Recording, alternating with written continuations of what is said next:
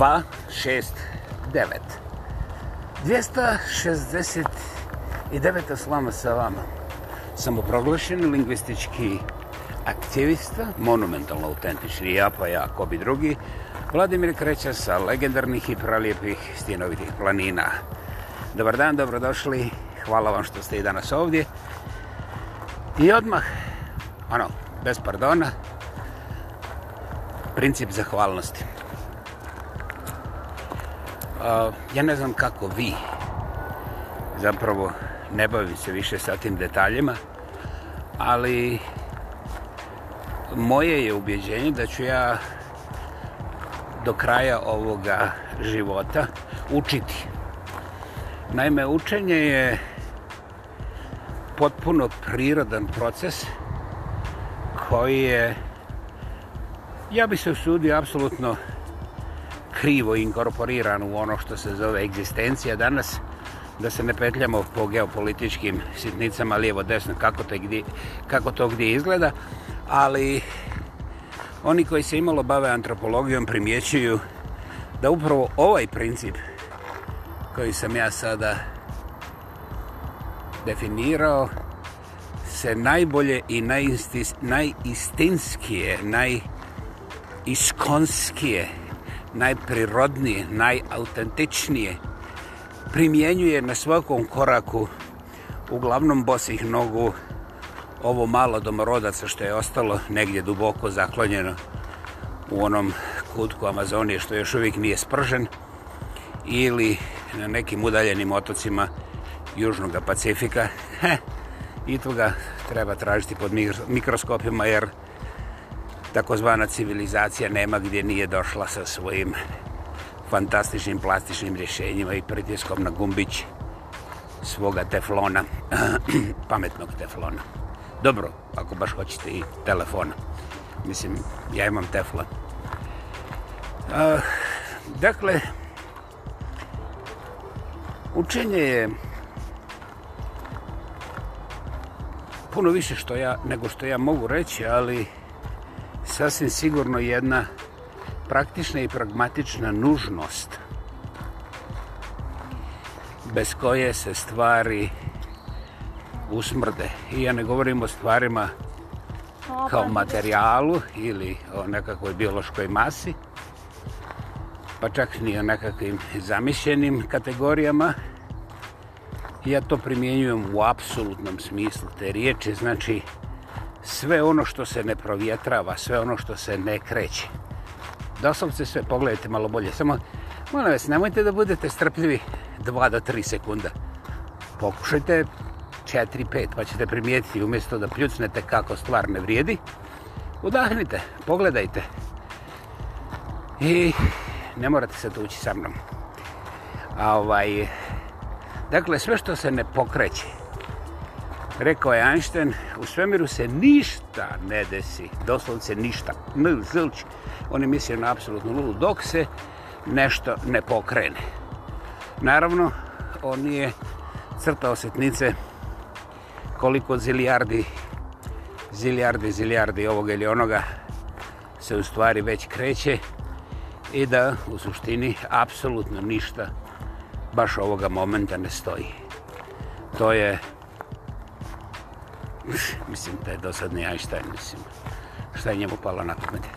Ali eto, ja ne mogu, a da ne ponovim, dakle, ukoliko nema provjetravanja, ništa se ne može spasiti od propadanja. I to je... To je jače od buzdovana. Ne znam, izaberite, na primjer, izaberite buzdovan GLX, TLX, GTL sa prikolicom ili recimo buzovan sa nabojem ili bez naboja. Dobro, može i sa punjenjem. Može sa TNT, C4. Izaberete, mislim, vi imate šansu da u svome dućanu ili kod lokalnih švercera naj modernije igračke kupite za gotovo nikakav novac i i da ih koristite na najgluplji način bez novca. To je svakako personalni izbor i ja čak i kad bi se miješao u to vi bi našli načina da mi dohakate, jeli? Jer ja ne mogu biti na dva mjesta od jedan put. Žalim, pokušao sam biti na četiri, pa znaš ono da prihvate barem da mogu biti na dva, nije uspjelo. Dakle, moram da se pomirim s tim da sam na jednom mjestu, vidiš, vraćamo se na početak, to je učenje, znači nešto sam naučio. Ovaj, I ne preispitivam više da li se mogu u jednom istom momentu nalaziti na dva različita mjesta, znači u isto vrijeme na dva različita mjesta, jer to ispitivanje primijetio sam košta. Dok ja raspravljam sa, sam, sam sa sobom da li sam na oba mjesta odjedan put, karavani prolaze čak i kad psi ne laju. I onda ja odjednom otkrijem da mi ručak nije ni hladan. Jer pošto sam ja bio na dva mjesta i onda dogovarao se sa sobom kako da ja to upakujem da bih vas objedio, ja u stvari nisam ni primijetio kako ja nisam imao s čime da pripremim ručak i nema ručka. Nema ručka, čak ni ledenog ručka, čak ni kasno popodne.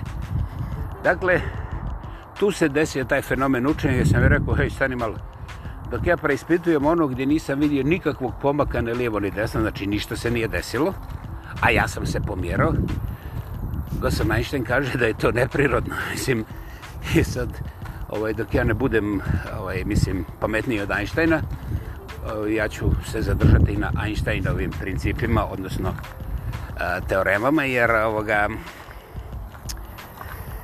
Čovječe, počet ću da mršavim ostadoh bez ručka i sutra ako nastavim sa tvrdoglavostima. Dakle, kao što vidite, ovo je taj pragmatički metod učionice na vlastitoj koži i meni je vrlo drago što radi. Ne zbog vas, ne, ni pošto ja znam da će već masa vas naći razloga da mi se nasmrda kako sam ja primitivan zatucan i ovaj, A da, psihijatrijski slučaj, nemojte slučajno da mislite da sam zaboravio. Nisam, nisam, nisam, nisam. Ali sa svoje strane živili psihijatri, bože moj. Ja ih preporučam, naravno, ne iz onih ponižavajućih razloga kao vi meni, nego, znaš, ti ljudi su ovaj, pročitali jednu, dvije, tre knjige i to od onih koje ja nisam pročito ili barem nisam pročito na vrijeme. Pa su onda vidjeli dva, tri primjerka ovaj, ovako sivjeti častija od mene, pa ovaj, imaju oni pojma o tome šta govore, znaš. Ovaj, I ja se tu ne bi puno prepirao, ali koristi mogu da imaju i sasvim pametni, ne samo čaknuti. E, ozbiljno. I ovaj, što sam ono htio reći, učenje bez buzdovana fercera. Mislim, proizvodi puno bolje rezultate nego učenje sa buzdovanom. Zašto, kako, otkuda? Ne možemo sve u ovaj, u ovaj jedan podcast nekom drugom zgodom tu. Sada ćemo o principu zahvalnosti. Unutar toga učenja, ja sam vlastitom, e, principom vlastite kože došao do toga da je zahvalnost odmah rame uz rame sa amen. Amen ovaj naime zahvalnost nije znak nekakvih egoističkih prepucavanja što se najčešće tako tumači u našim regionalnim prostorima i bez obzira gdje se ti naši regionalci u svijetu nalazili zahvalnost je pitanje mentalne i duhovne higijene sa jasnim intelektualnim ponašanjima i prihvatanjem neprihvatanja one druge strane. Naime, kada se nekom našem čovjeku ljubazno zahvališ, šta je pederu, šta hoći? Interesantan odgovor. Ili, kaže mi, baš prije neki dan, jedan čovac koji otputova za visoko da se tamo kod Semira šeće po onim piramidlama, kaže, jebote, ili ti znaš, da samo bosanke neću kažu kako ja sa zinem u njegovoj pa neću, valjda ne kaže ne hoću kurac ček ček ček šta si rekao pa ti nju pitaš slušaj hoćeš li mi oprati gaće i ona ti vrlo jasno kaže hoću kurac to znači da ne spominješ nikakav oblik seksa I ako pitaš ponovo za gaće, dobit ćeš ih ravno u facu. Neće. To ti je odgovor ne. Kod Bosanke je odgovor ne. Je, hoću kurac. Tako da svi vi koji hoćete da prevodite ovaj, sa ovih, recimo, na primjer, sa libijskog, sa latvijskog, sa limburgijskog, na bosanski, onda morate da znate da ovi bosanski muškarci imaju taj odgovor negdje drugdje na stalaži a žene kažu uglavnom, hoću kurac, to znači ne. Pazite dobro. Ovaj, ja sam izdržao, nije bilo lako i ja se ne zahvaljujem ljubazno zato što sam peder. Hvala, pogledajte moju guzu izbliza ako vas toliko zanima jer je interesantno kako to čak ni zada kada sam polu raspadnut leš kada je pitanje valjda najviše tjedana kad ću se ovaj raspršiti po ovim planinama. Ja ću biti najme spaljen isto kao Helena i onda taj prah ide. Tako da, gospodo pišači, zahebao sam vas. Nećete mi se moći popišati na grob. to je interesantno, nećete morati moći ni čak ni pisati da li sam header ili nisam header, mislim. Jebeš ga. Ovaj, i nemojte plagati sada ali naučite šta treba raditi sa drugima koje isto tako kao mene ne trpite, znate. Možda vam padne na pamet da lijepiti naljepnice header, peder i te stvari, glupi. Znaš, dosadan da se to može spriječiti, na primjer, tako što kažeš hej čovac, ideš mi na živac, nemoj dolaziti gdje ja dolazim. To nije prijetnje, nego molba. I to je molba u kojoj nećemo trošiti snagu ni ti da gledaš gdje sam ja i kako te vrijeđam. A ti sa svoje strane nećeš morati da praviš ovaj podcast i da se ljudima žališ kako ja tebe ljudska mi sprdam. Dakle, evo, čista praktičnost, nešto smo naučili. Vraćamo se na početak ovoga podcasta. Slušaj, za mene si užas i katastrofa i da ja tebi ne bi prišivo nikakve naljepnice, jer mi imam manje malo pljuvačke, suše mi se usta zadnje vrijeme. Čim vidiš mene, a ti lijepo se okreni, idi na drugu stranu i mi smo ono rahat dobri, ja o tebi neću reći ni slova. Vidite, gospodo, ja to nisam doživio. Mislim, sa tim deranima koji me nisu podnosili, koji su znali da sam ja Izaberite, imate smetišta, mislim, ja neću da se uzbuđujem sa tim rečima jer mi uzima dragocijeno vrijeme od ovoga podcasta. Znači, nema koju diskvalifikaciju nisam čuo na svoj račun. I žao mi ljudi, znaš, jer eh, jesam ja, ja imam potvrđeno da sam se čak i bio sam uhapšen, da sam se pokušao ubiti i da sam nesposoban kao sam u vojice, jer vidite, još uvijek sam živa, ali Bogu hvala, prilazi i to kraju, ne brinite. I ovaj... Dakle, da li su me te diskvalifikacije pogodile? Ama sigurno jesu. I ja nikada neću znati koliko i kolika je zapravo barem približna cijena svih tih diskvalifikacija. I ovaj, da li sam ja pomišljao na razno razne načine i metode, recimo prevencije, liječenje i svega toga? Pa znate šta, živ čovjek ne može biti s nešćim pogođen, a da ne pokušava barem zubima da se uhvati za neku slamku. I kroz te sve agoni sam prošao na kraju krajeva. Ja vam nisam izmislio psihijatrije, psihologa i kancelora zbog toga da vas impresioniram, jer ja znam da se regi, u regiji 110% ljudi i ljudica sprda sa svakim majmunom koji slučajno kaže negdje sa strane, a pogotovo ne javno objavi da je tražio pomoć psihijatara, jer oni su svi fantastični, mislim, i to je dobro. To je dobro.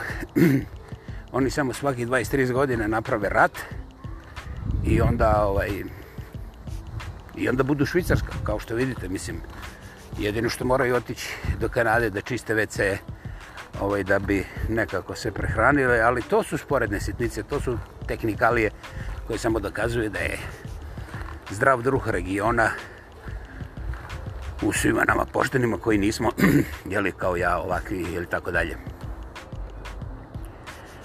Ovaj, zašto sam ja tim ljudima dozvolio da najašu? Vidite, to se nikad nije desilo. Stvar je u tome što zatucanost nikad nije pitala ni za kakav oblik dozvole. Zatucanost i zadriglost je nikada ne pita, ona podrazumijeva i kao takva, to sam već govorio u posljednim podcastima, i svoju djecu jednostavno gazi kalupom promašenosti i sprema naravno za sljedeći rat da mi njima, majku, da im objasnimo kakvi su oni i tako dalje.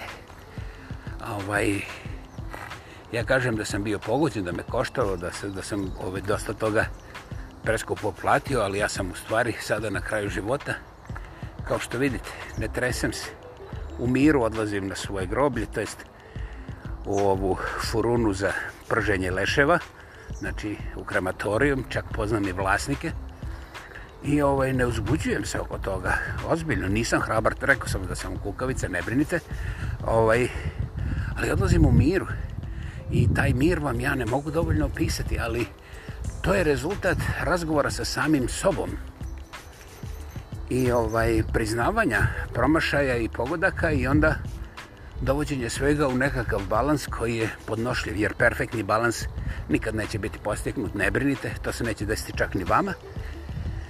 I onda dolazimo u taj, taj, u taj nekakav čudni ovaj, kraj razgovora, znate ja sam cijelog života volio razgovor, međutim, ljudi oko mene strašno pate, ono, popadali su im i kose i zubi, jer kao ne mogu da se sklone od mog brbljanja. Hvala, gospodo. Hvala. Hvala. Otkrili ste Ameriku. I sad, umjesto da tu Ameriku uživate, vi mrtvu hladno prepustite to kinezima i ovim drugima. Ovaj... Znate, ako smizdite kako vas je jedan po vašemu nečovjek prebrbljao, izbrbljao i tako dalje, niste vrijedni ni svoje kante za smeće, ne moje. Jer e, malo čas sam spomenuo ono, ako ti se ne sviđam, kaži mi. To je nevjerovatno. To se zove riječ i to je takozvana komunikacija. Kaži mi, hej, nemoj se ovdje pojaviti. To nije prijetnje, nego kažeš, nemoj se ovdje pojaviti. Daš čovjeku šansu da ti ne bude blizu i ti onda kažeš, hej, ja o tom čovjeku više nemam šta reći. Ima li kompliciranijeg zahtjeva? Ček, ček, da proračunam. 1 plus 1 jednako 2. Pa zašto bi to raspravili? To izgleda jednostavno, a?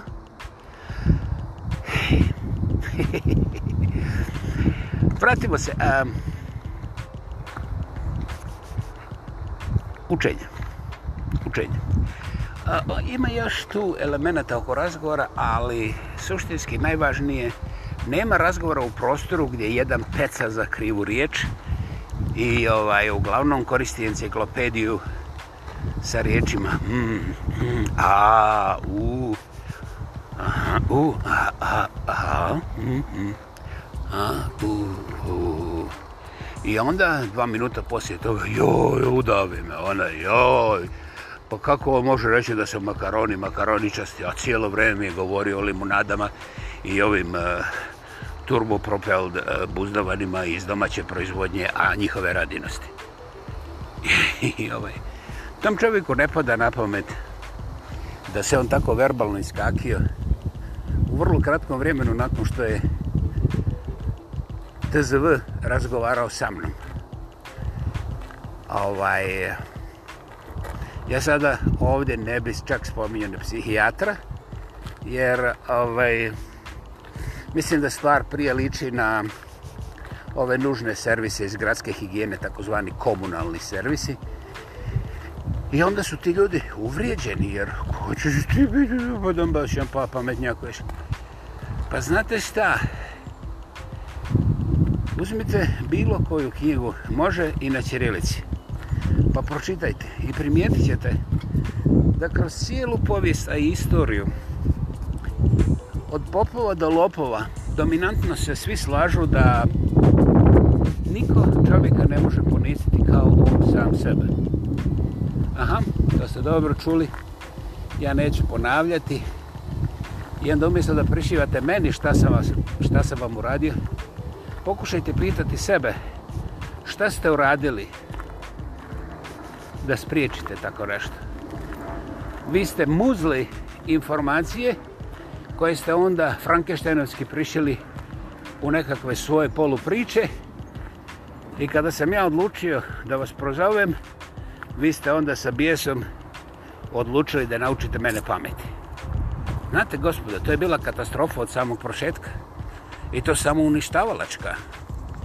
Bez obzira da li sam ja shvatio ili nisam, ili sam čuo ili nisam, znate, ovaj, vi se morate pobrnuti za svoju higijenu i mentalnu također.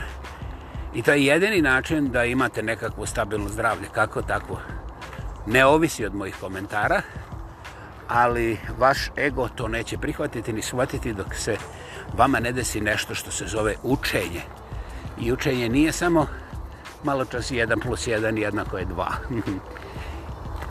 Ima i 2 plus 2 a tu se stvar nikako ne završava, zapravo nije čak ni zadovoljavajuće dobro počela. Dakle, ako mislite da ćete učenje obuhvatiti ovako ili onako i onda dovesti do nekakvog završetka, preispitajte se, jer ne sledi vam samo veliko razočarenje, nego ogromni gubici usput, ne samo matematički, zaboravite to, nego vaša duša će svakim danom biti praznija i gladnija novih senzacija i većih izmišljanja i onda ćete primijetiti da, da ni jedna riječ taj prostor ne može popuniti i da to ne ovisi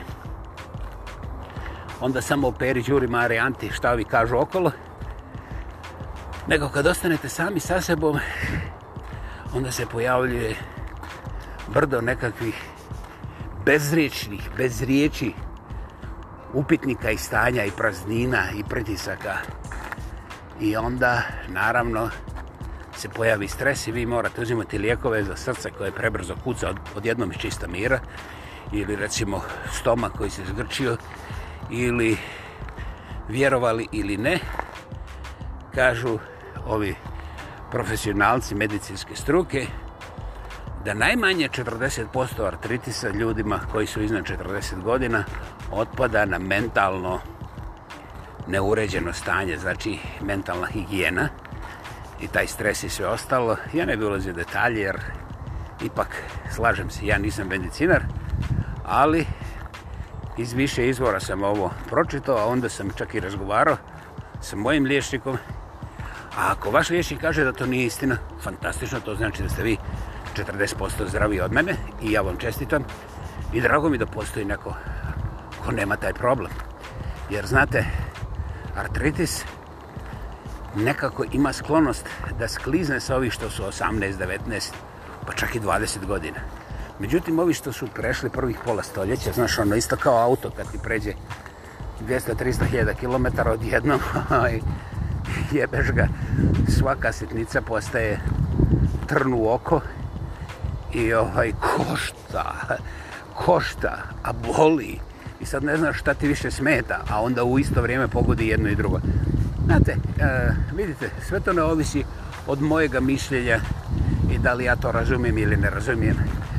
A vi sebi pravite samoubojstvo i zasjede kada otkrijete da sam ja budala koja o tome krkolji, jer eto, ja hoću da se dokazujem nekako, ali interesantno, kontra čega, na kome ili čemu. ne primjećujete da je ovaj manje nego šuplje i da nikad neće doći ovaj do ovih glupih i ružnih engleza koji takav oblik komunikacije ono baš ne razumiju i ne možete ga naći ovdje čak ni onim najjeftinijim bircuzima jer ovdje ljudi imaju u komunikacijskom kodeksu nekakva pravila i nekakve minimume i boga mi ja se baš ovdje lijepo odnosim s tim ljudima i drago mi i zahvalan sam im. A da li ih volim? Pa rekao sam da su ružni, glupi i nazadni, razumiješ? Šta može biti gore od toga? Ali, ovaj, kad bi tako otišao, recimo, negdje, šta je znam, u Čekrčiće ili neki drugi region dole, ovaj, i usudio se reći, ovako isto na, na podcastu, pa ti derani koji nikad ne slušaju podcast bi za, za manje od dva sekunda znali sve, i polobili bi mi i prednje i zadnje noge i ja bi izgubio i prednju i zadnju vuču odmah. A o zubima, bože moj, što će mi zubi, to oni znaju odmah srediti.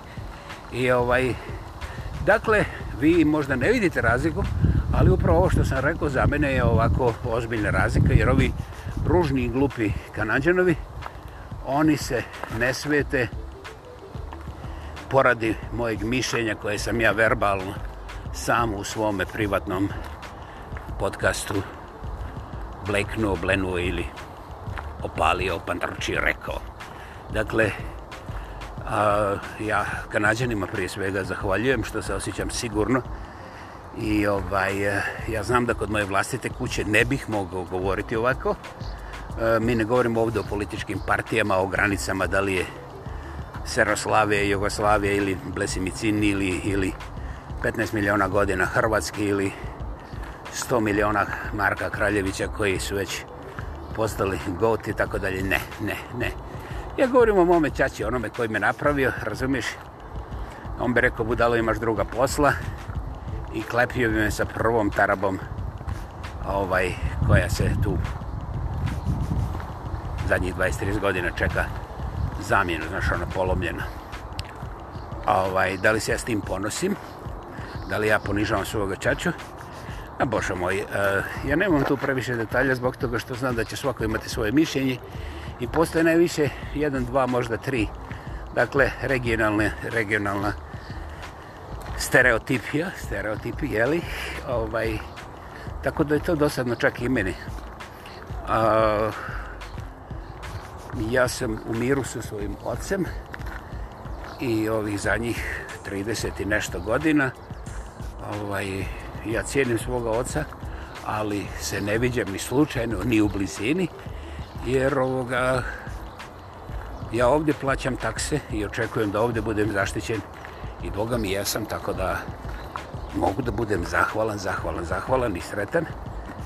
I ovaj, eto, tu i tamo se uhvatim ovoga mikrofona pa podcastiram, jer će, bit će vjerovatno da nisam mrtav još uvijek, pa onda, kao takav, volim malo da kokodaknem, jer mi to pročisti, znaš, ono provjetravanje, znaš, imam verbalno i misalno, možda to i tamo nešto emotivno, i onda mi to pročisti kanale i ja se osjećam dobro.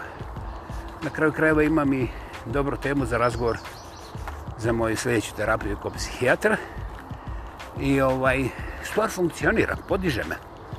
E, da li sam ja to preporučio? Ni pošto, ni pošto, ne vam. Vi nikad niste govorili previše, vi ste sve uvijek znali i vama ne treba nikakva pomoć i vi znate sve čim vidite, a posebno znate da sam ja i ostale stvari i ovaj, kako ćete me naučiti ili onome. Molim vas primijeti, ja nisam tražio poduku od vas, niste me uopće pitali s kojih izvora ja to učim, I ovaj... Znate, ja bih vas zamolio da vi radite ono što vi smatrate da trebate raditi. I to je sve.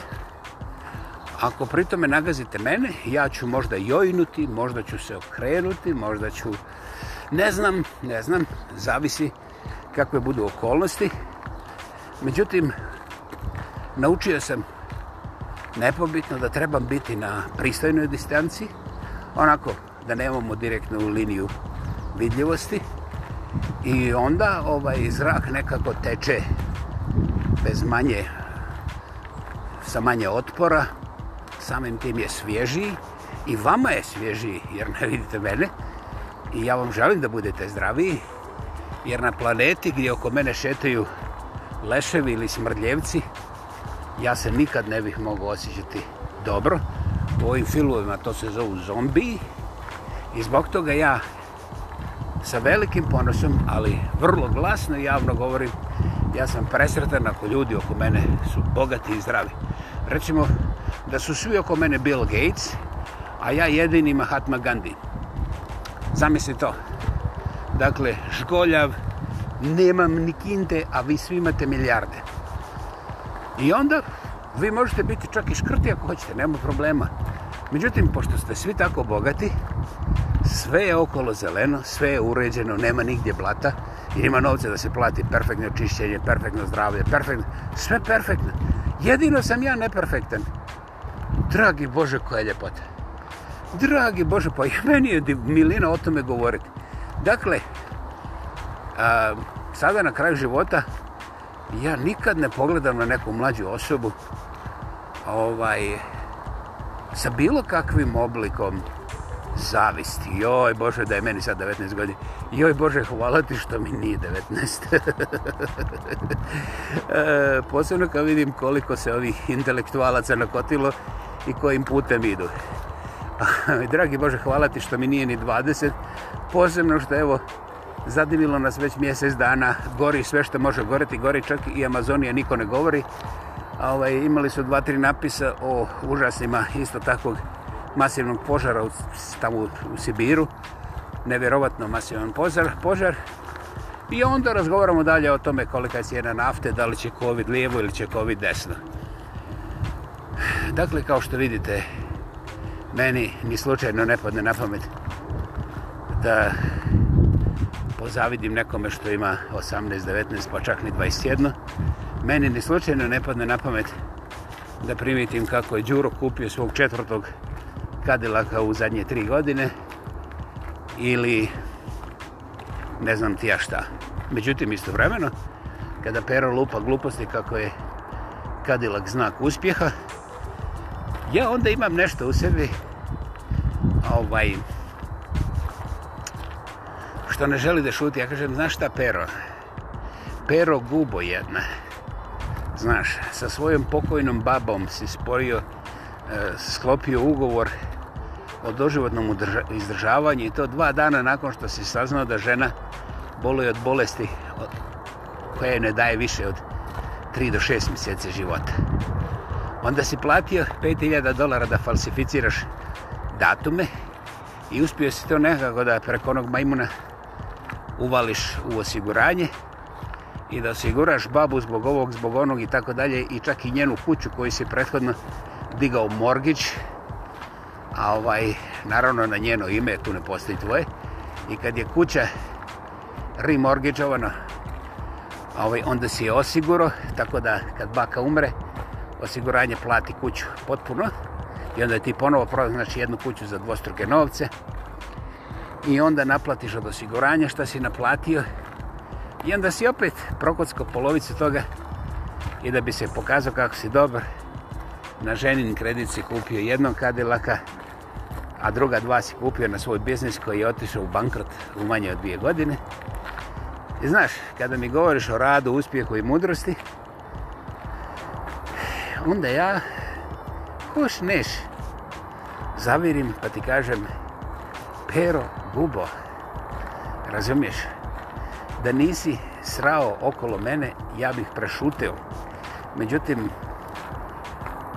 pošto sereš, znaš, to ti ono kao u kinu kad je onaj sa balkona pišao, znaš, a ovi dole kažu, pusti ga novi, kako znaš, kaže, pa, oni stari šaraju, a ovo ovaj je novi, on piše na jednom mjestu. Eto ti, ovaj, Znači, kao što vidiš, od kromanjonaca do danas, po svemu sudeći, ništa se promijenilo nije. Dakle,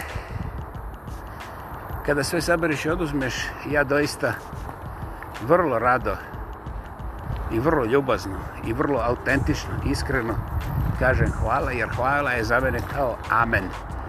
Ali ga ne spominjem kao amen, jer neki ljudi mogu misliti da im ja namećem neka svoja vjerska vjerska eh, ova ili ona mišljenja ili sklonosti, ne. Ovaj, kako god da mi se čovjek obrati, ja želim biti zahvalan, jer eh, kao što sam rekao, ne namjeravam živjeti 189 godina.